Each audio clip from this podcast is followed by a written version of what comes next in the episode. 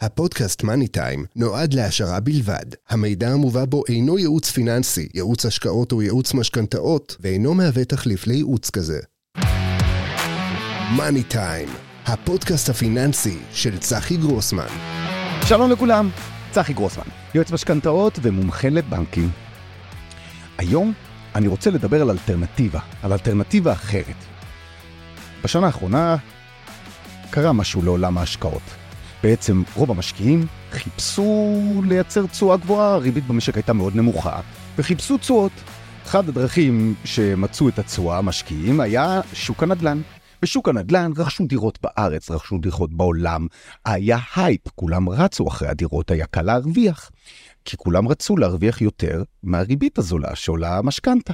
אז בשנה האחרונה לא כל שוק לא הרוויח או לא הפסיד או עשה תשואה, אלא יש שונות גבוהה בין מקום למקום. לדוגמה, בישראל, תיקים ממוצעים שיש בהם 30% מניות והשאר איגרות חוב, עשו 3-4% תשואה. אתם זוכרים שהאינפלציה 5%? ומנגד, ישנם תיקים שהיו ב-S&P, הרוויחו 13 או בנסדק, 30 תראו איזה שונות, איך מנהלים את החוב, איך מנהלים את הכסף. עכשיו, שכאשר זה הכסף שלנו, שאנחנו כאנשים פרטיים, אנחנו מחפשים את האלטרנטיבות, פונים מול היועץ, מול הפקיד בבנק. היום אני רוצה להציג לכם עולם אחר. עולם שאולי לא נגיש לכל אחד מכם, ובגלל זה הוא מעניין לראות איך מקבלים החלטות במקומות אחרים, איזה צורת חס... מה הם נחשפים, איזה אפשרויות קיימות.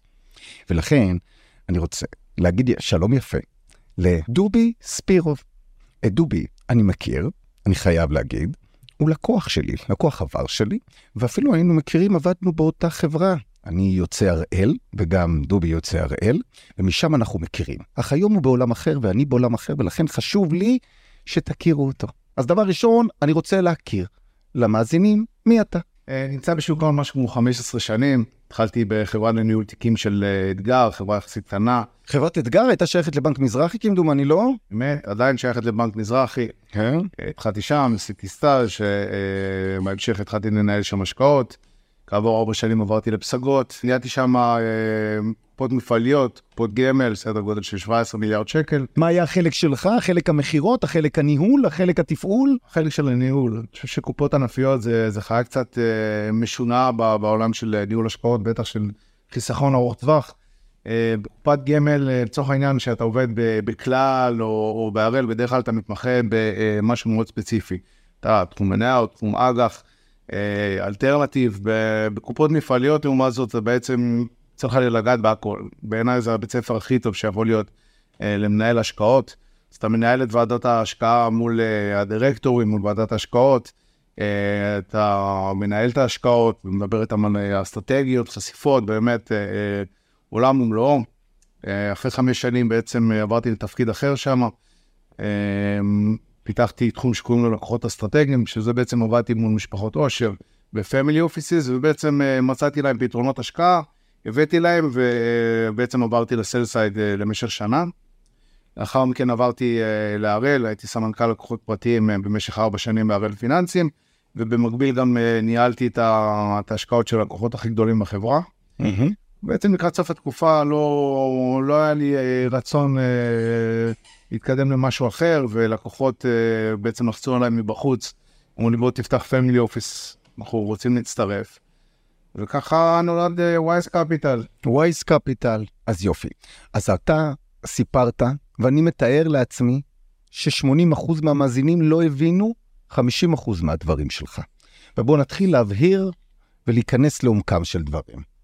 המשפט, הראש... המשפט האחרון כמעט שאמרת זה הגודרת שפתחת family office.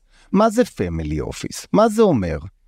אז בעצם ככה, family office בארץ זה, האמת, שם שאתה שומע יחסית הרבה, אה, כל אחד יכול לקרוא לעצמו family office.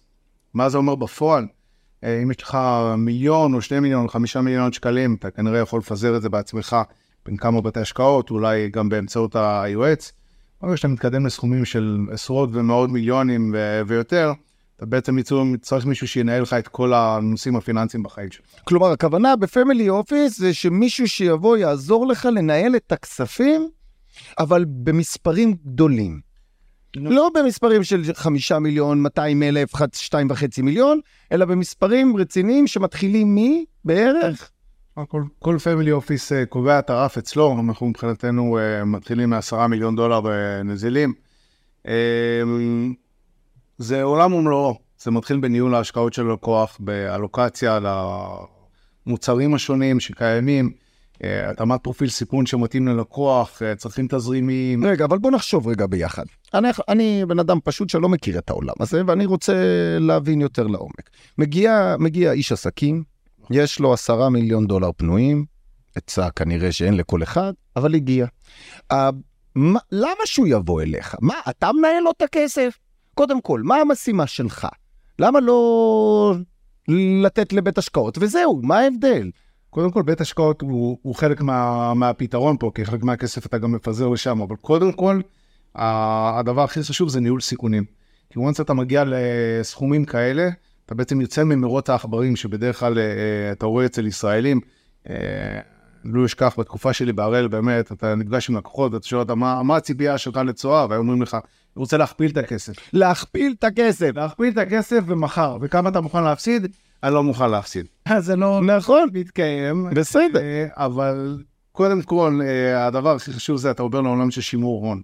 קודם כל, המטרה הראשונית שלך זה שמירה על הערך הריאלי של הכסף, and then some, ומשם אתה בעצם מתחיל לפתח את הנושא הזה.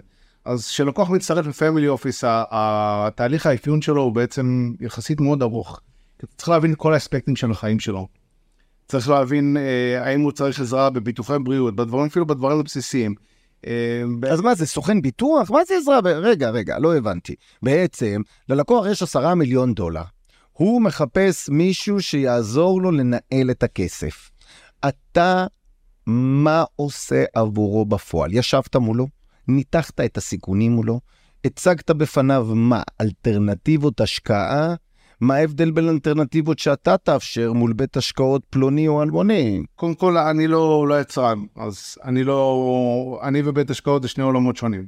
כלומר, family office זה לא בית השקעות. family office זה לא אמור להיות בית השקעות. family office לא מנהל את הכסף. יש family offices בודדים בארץ, יש להם אה, רישיון לניהול תיקים, והם עושים גם וגם, וזה על הכיפאק. אה, אבל בראש ובראשונה, אתה יודע, אנחנו מתייחסים פה לעולם של ההשקעות, אבל family office מתעסק בעולם הרבה יותר רחב מזה. אז אתה בעצם דואג לכל הצרכים הפיננסיים שלו, או פיננסיים related. אז זה יכול להתחיל בביטוחי בריאות, שאתה כן משתמש בסוכן אגב. או בנושא הפנסיוני, שאתה משתמש בסוכן שאתה סומך עליו. אה, זה ממשיך בהעברה בין-דורית, כי בסכומים כאלה יש צורך בצבא שהיא קצת יותר מסטנדרטית. וצריך לתכנן תכנון מס. תכנון מס, יש תכנון דרישה, יש צורכי תזרים. אבל בדרך כלל למי שמגיע אליך עם 50 או 100 מיליון שקל, כנראה יש לו את הדברים האלה. הוא לא פתאום נחת מהשמיים וגילה אותך. אז אתה תתפלא, הרבה פעמים זה, זה נוחת על אנשים והם לא יתעסקו עם זה הרבה זמן, ו, וכן צריך לעבור מהיסוד, וגם אם יש לו, אתה צריך לעבור איתו שלב-שלב, ולראות שבעצם הכל קשורה. הן מבחינת העמלות, הן מבחינת פרופיל הסיכון שהוא נמצא בו. אה, אתה בעצם הופך להיות איש האמון שלו, ולכן אתה חייב לתחקר אותו ולעבור על כל הפרטים בחיים שלו אחד-אחד, ולראות שהכל תואם את הציפיות שלו לתשואה וגם את היחס שלו לסיכון. אוקיי, okay. עכשיו בוא נדבר ציפיות לתשואה. מה ציפייה הגיונית לתשואה בימים אלה, בין אם זה פמילי או במידת סיכון, שמוכנים לקחת סיכון, לא אפס סיכון, כן. Okay. מוכנים לקחת סיכון. ואם הריבית היום נמצאת במשק על 6.25, כלומר, oh. הפריים, ריבית חסר סיכון בכספיות נע באזור החמישה אחוזים. אז לא, אז זה מבחינתי חסרת סיכון, סבבה, חמישה אחוזים. כלומר, כל דבר אחר, כל אלטרנטיבה אחרת שאתה תייצר ללקוח שלך, חייב לנצח את החמישה אחוזים האלה, ואמור להניב הרבה יותר. לאיזה תשואה? אתה אמרת, העיקר לשמור על הערך הריאלי. ערך ריאלי זה אינפלציה, אינפלציה חמישה אחוזים הייתה בשנה האחרונה. אז מה, אנחנו יוצאים להרוויח חמישה אחוזים? שיש לי 100 מיליון. לא, קודם כל, לרוב לא, יש לקוחות שהם באמת מאוד מאוד אה, חוששים, אבל לרוב זה לא המקרה.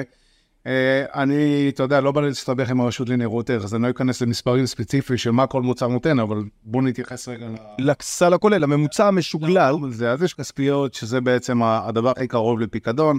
אתן לך נכון היום בבוקר 4.9 אחוז. מקסים. משם אתה בעצם הולך אה, לאגרות חוב קונצרניות, כי אגרות חוב ממשלתיות, התשואה יותר נמוכה, כי בעצם משקפים את הריבית העתידית, וזה אה, יותר נמוך מאיפה שאנחנו נמצאים היום. כלומר, הסבר. בשוק ההון יש תפיסה שאומרת שעכשיו יקר ובקרוב יהיה זול. קרוב, אגב, כל אחד ותפיסתו. עוד שנתיים, עוד שלוש, עוד חמש. וככל שאנו מסתכלים בעלויות מחיר הכסף בבורסה, אנחנו בעצם יכולים לנתח מה הציפיות של השוק כתוצאה מהמחירים הללו, ואנו רואים שהמחירים לטווחים בינוניים זולים יותר מטווחים קצרים.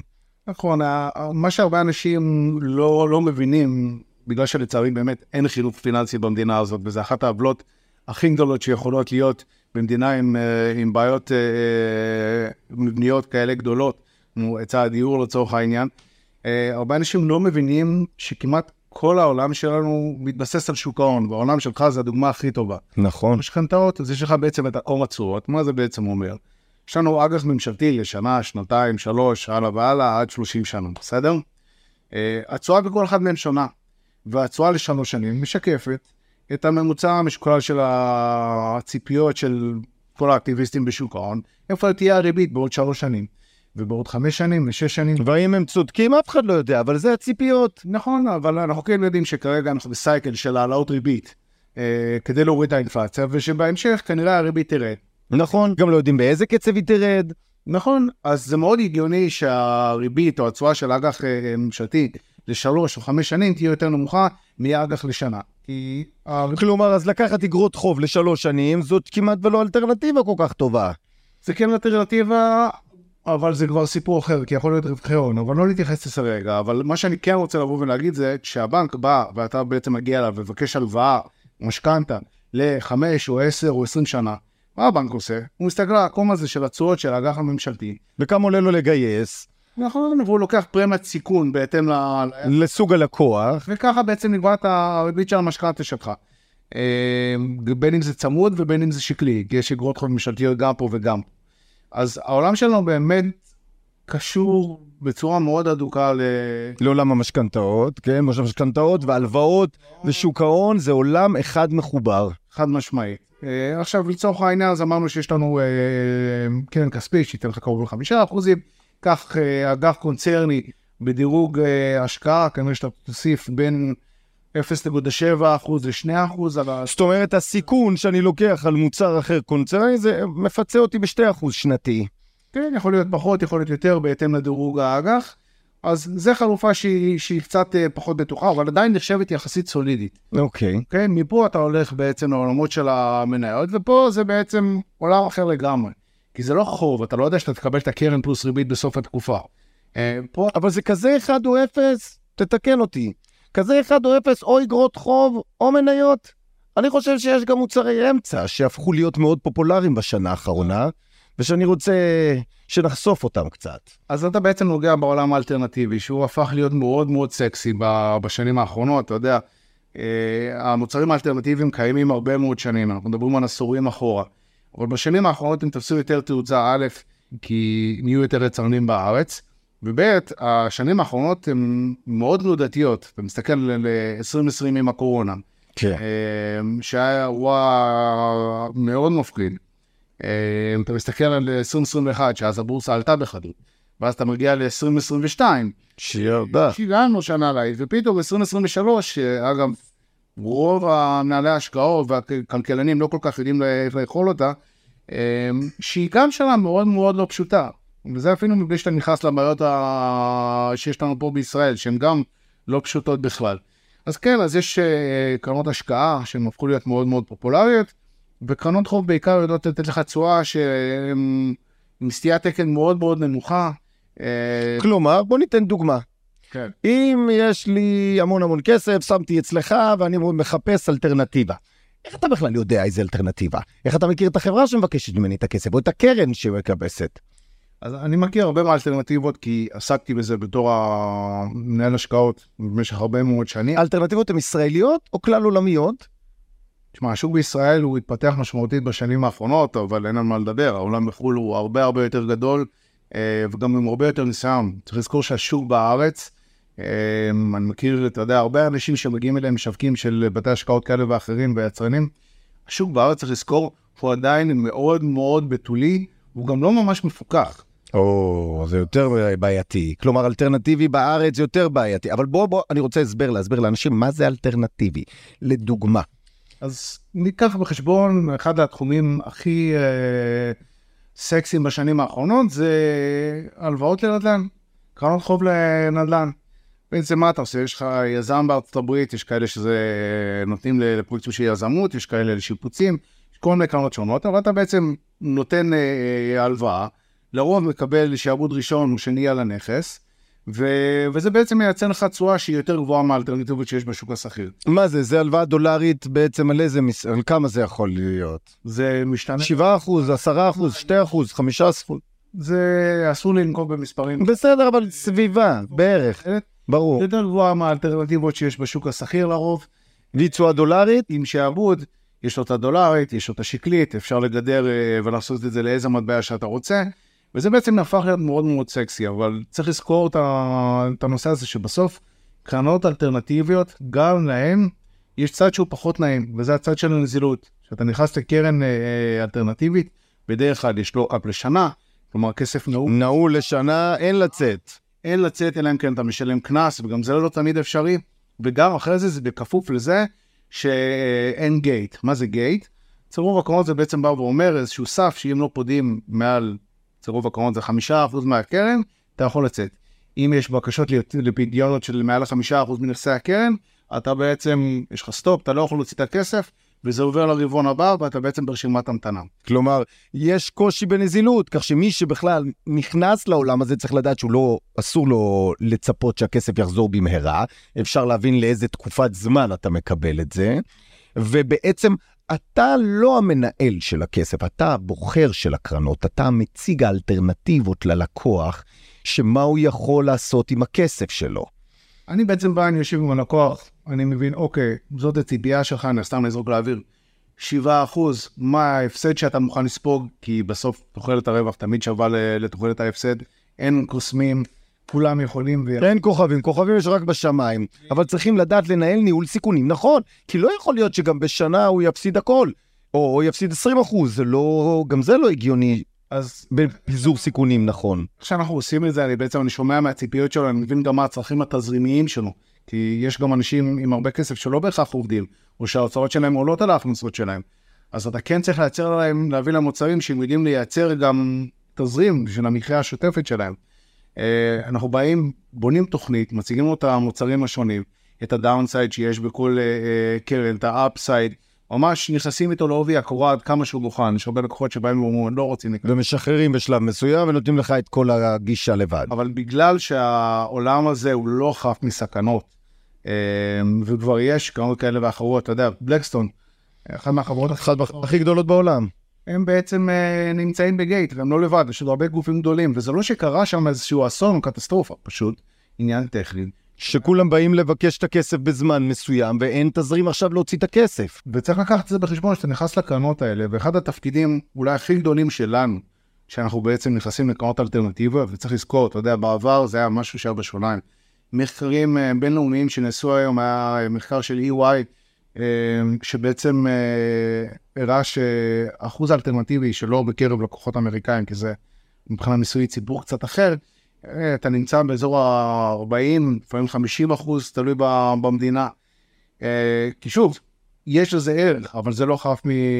מסכנות. מסכנות, ואחד התפקידים שלי. זה כמו אג"ח מיועדות של פעם, של 4 אחוזים, סתם. גם סיפור בפני עצמו. טוב, כן. אבל אתה בתור family office, או לא משנה מי, שמטפל בכספים של לקוחות, אה, אתה חייב להיכנס לעובי הקורה. והמשמעות של הדבר הזה, אה, זה לפתוח את נכסי המנוע, להסתכל על הלוואות שיש מתחת, איזה שעבודים יש, אה, איפה הנכסים נמצאים, אם מדובר בנדל"ן, האם זה אזור שסובל מבעיות ש... אני עוצר אותך רגע. בעצם, יש עליך אחריות מאוד מאוד כבדה לקבל את ההחלטה ולשקף נכון מה יש מתחת למכסה מנוע לדברים המוסתרים האלה. מה אתה סיפרת לנו בשיחה מה הרקע שלך וכמה אתה חזק בשוק ההון, האם מחר אני יכול להתקל... לא, בסדר, אז סליחה אם אני אמרתי, אבל... ואם מחר יבוא איציק או אבי או רוני ויגידו, הנה אני פמילי אופיס. באים אליי, אני... איך אני כאזרח יודע להבין מול מי אני עומד? יש רגולציה? לצערי הרב אין רגולציה. שזה מוזר, כי לשוק ההון יש רגולציה מאוד מוקפדת. מה קרה שבענף הזה הוזנחה? כי once, אתה יודע, יש שתי הגדרות של לקוחות uh, כשירים בישראל. יש לקוח כשיר לפי חוק ניירות ערך, שזה בעצם uh, מספיק שיהיה לך סכום uh, מסוים בשביל לחשב ככשיר, בדרך כלל זה 8 מיליון שקלים נזילים, אבל יש כמה קריטריונים אחרים שיכולים להכניס אותך. ויש כשיר לפי חוק uh, הייעוץ, שזה בעצם אומר שאתה עומד בשניים מתוך שלושה תנאים מתלים. הראשון זה 12 מיליון שקלים נזילים, uh, השני זה ידע והבנה בשוק ההון. שהיום הבנקים אה, פה דווקא כן העלו אה, את הרף וחלק מהבנקים כבר דורשים לראות מבחן, שאלון, שבאמת עשית ללקוח להוכיח שיש לו ידע. כלומר, הבנק בודק את הפמילי אופיס, בודק אתכם שאתם לא עושים פה איזה טעויות עבור הלקוח. אתה רוצה להגדיר את הלקוח כשיר לפי חוק הייעוץ, היום הבנקים כבר יותר מקפידים על העניין הזה, כי הם מבינים שגם יש להם חשיפה. אהה. ברגע שיהיה כשל אה, בקרן או בחלק מההשקעות שביצעת עבור הלקוח, הם יבואו ויבדקו את זה, והיום הרשות לניירות ערך דופקת יותר ויותר על אה, דלתות של פמילי אופיסס, ובאים ומבקשים לראות אנליזה שיש לך על קרן שנכנסת אליה. הכנסת לקוחות לקרן, על סמך מה? אז יש איזושהי ביקורת מסוימת, אבל היא עדינה מאוד. יש היום ניצוץ, אז איפה העוולה בשוק? איפה אתה רואה עוולות? שוב, אה, אין, אתה יודע, זה לא שחור ולבן, ויבוא מישהו אחר ויוכל לטעון אחרת ממני, וזה בסדר גמור. אבל בעיניי, family office לא יכול לבוא ו- ולטעון שהוא family office אם הוא נמצא בניגוד עניינים. והיום הרבה מה family offices בישראל עובדים במתכונת של סוכנים, הם בעצם באים ואומרים, אוקיי, אתה לא תשלם לי שום דבר. אני אקח את הכסף רק מהגופים שאני משקיע בהם. זאת אומרת, ישנם family offices שלוקחים את הכסף דווקא מקרנות ההשקעה, ואז יכול להיות שהבחירות על ההשקעה הם לאו דווקא לא לפי הכיס של אותו family office. בסוף הקרנות הבאמת ותיקות והקרנות הטובות אה, נמצאות בחו"ל, הרבה מהם. אתה יודע, אתה תיקח הרבה מהקרנות שמשווקים בישראל ותלך איתם לאירופה או בארצות הברית, רוב הסיכויים שלא לא יכניסו אותך לדלת בכלל. אנשים לא מוכנים לקבל כסף להצטרף להשקעה איתם. לא. בקרנות בחו"ל זה פחות נהוג לקבל קיקבקס, וגם אם אתה תקבל, כנראה יהיו בשיעורים הרבה הרבה יותר נמוכים. Mm. אה, וזה בעצם אומר שדה פקטו הרבה פעמים אה, אתה, אתה חורה למטרה, אה, וחבל. ושוב, יש... בפמילי אופיס אתם מנהלים גם נכסים? לדוגמה, מישהו מגיע אליך, יש לי 20 דירות. זה שווה כסף, אבל זה לא נזיל, אבל מי ידבר עם מי? ישים לי סוחר? מי יחליט? את- גם זה מטפלים? מנהלים נכסים ללקוחות, אנחנו בעצם מטפלים בכל העולם הפיננסי שלהם. לצורך העניין, היום יש לי מספר לא מבוטל של אה, דירות שאני מנסה למכור ב- בתל אביב. אז נכון, כי ששייכים ללקוחות שלך. נכון. עכשיו, אני לא מוכר את זה, אתה לא עומד שם במכירה, משתמש ב- במתווך. אבל אתה מנהל את התהליך. כלומר, אתה הופך להיות איש הביצוע לשמירת הנכסים והגדלת ערכם על כל סוגי הנכסים שהתחלת בפנסיה, בביטוחים, זה עבר. לאיפה משקיעים את הכספים שלהם, וכן הלאה. כל דבר, הנכסים שלהם, ההשכרות שלהם, המכירות שלהם. אתן לך דוגמה הכי טובה, יש לי לקוח, הוא רצה לקנות לילד שלו דירה. בעצם היה לילד דירה, והוא רצה לשדרג לו את הדירה, אה, והכל טוב ויפה.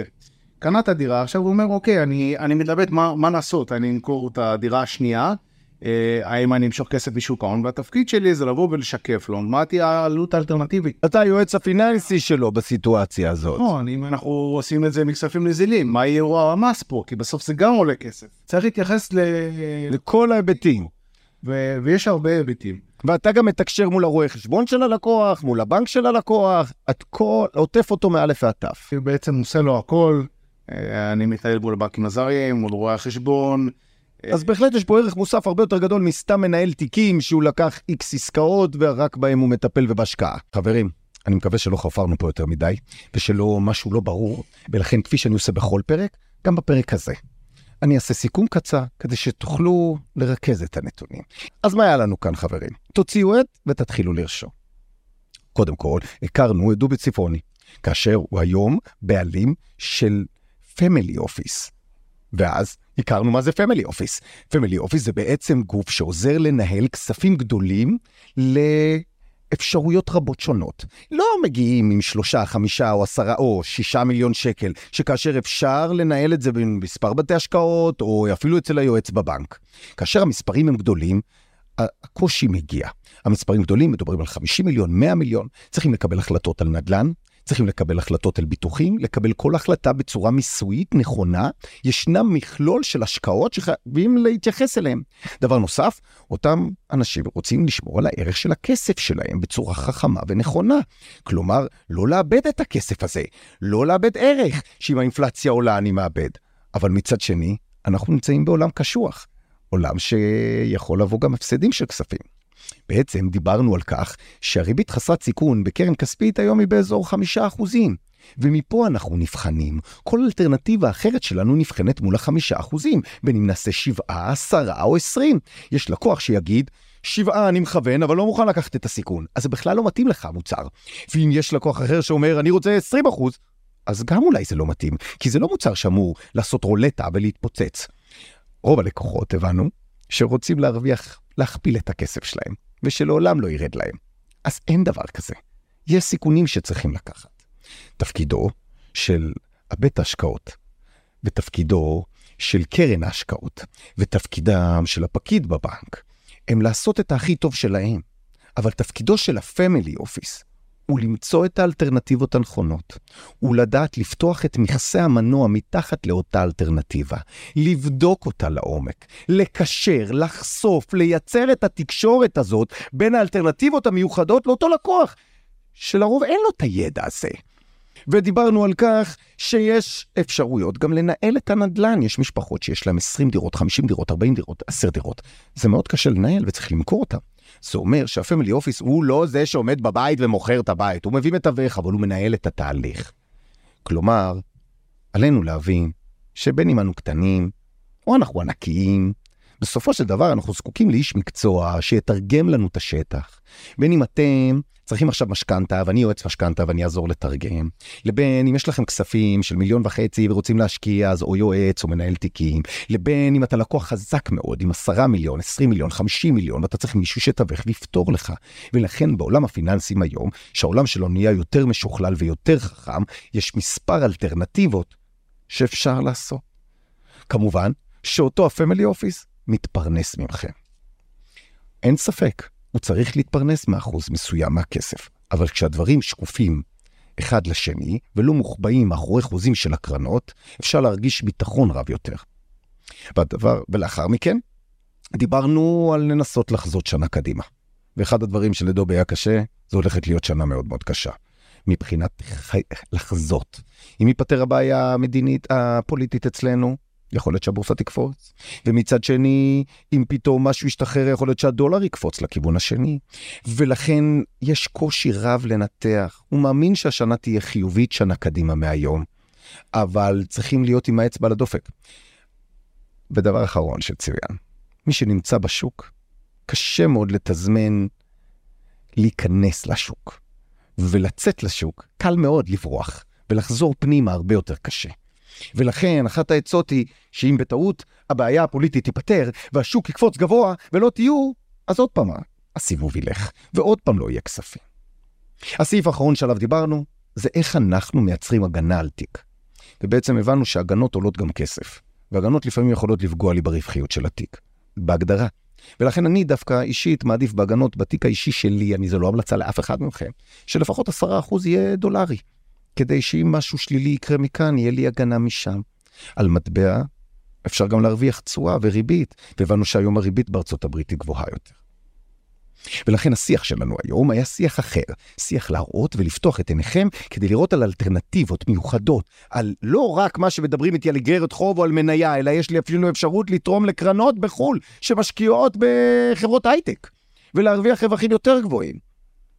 אז אולי זה לא מתאים לכל אחד מכם, אבל אם יש לכם שאלות בכלל, בכל נושא ההשקעות, אתם מוזמנים לפנות אליי, אני לא יועץ השקעות, אבל אני אוכל גם להכווין אתכם אל אותו גורם, אל אותו יועץ השקעות שיתאים, בין אם זה מנהל תיקים או יועץ השקעות, ואם אתם יכולים, אז אולי גם דובי יוכל לטפל בכם. הוא מסכים לקבל ב-8 מיליון דולר. אני רק רוצה להגיד מילה לגבי הנדל"ן, כי זה עניין שעולה פה המון, ואני חושב ש... שצריך להתייחס אליו. אתה יודע, אנחנו היום אחרי הרבה העלאות ריבית, אנחנו רואים שכבר לא פשוט לקחת משכנתה, אתה הראשון ש... שיגיד את זה, ועדיין אנחנו לא רואים ירידות מחירים משמעותיות. עכשיו, אני רוצה לבוא ולהגיד, אנחנו משתדלים להיפגש עם קבלנים כאלה ואחרים אחת לכמה שבועות. בשביל להרגיש מתי הם מתחילים להיות לחוצים, וכדי שנוכל לקנות נדל"ן לחלק מהלקוחות שלנו, מי שמעוניין. אמ, אבל מה שאתה כן רואה שקבלנים עושים, שהם עושים כל מיני מבצעים. מה הם באים ואומרים לך, יודעים מתנות מסביב, בלי מדד, נותן לך שדרוג. יורד, אני אשלם לך את ההפרש. נכון. והסיבה שהם עושים את זה, זה כי הם לא רוצים לדווח ללמ"ס שהם מכרו במחיר יותר נמוך. אבל בפועל יש ירידת מחיר. יפה מאוד, אז, אז מה שרואים זה לא בהכרח משקף את המציאות, כמו תמיד, במדינת ישראל מוצאים דרך לעטוף את זה. ללכת אה, מסביב. אתה יודע, בסוף נדל"ן, כל דבר אחר זה שאלה של אלטרנטיבות. אתה מסתכל על תשואה שוטפת על נכס, אה, אתה יודע אם זה בתל אביב, אז 2-3 אחוז במקרה הכי טוב. אה, אתה, כשאתה מסתכל, אני לא מדבר על עליית ערך של הדירה, כי כרגע זה, זה לא המצב, אה, אבל אתה מסתכל על נכס חסר סיכון, שאמרת פק"ם, כספית, שמתכנן קרוב לחמישה אחוז, משהו פה לא מסתדר. בסוף, בדיוק, בסוף זה עניין של אלטרנטיבה של הכסף. תשואה לנכס בסוף זה מונה ומכנה. אז אחד מהם צריך להשתנות, או שהמחיר יורד, או שהשכירות תעלה באופן משמעותי. קשור. תחליטו מה, מה נראה לכם יותר הגיוני. יאללה, תענוג. דובי, תודה רבה לך. חברים, תודה לכם. ניפגש בפרק הבא. להתראות.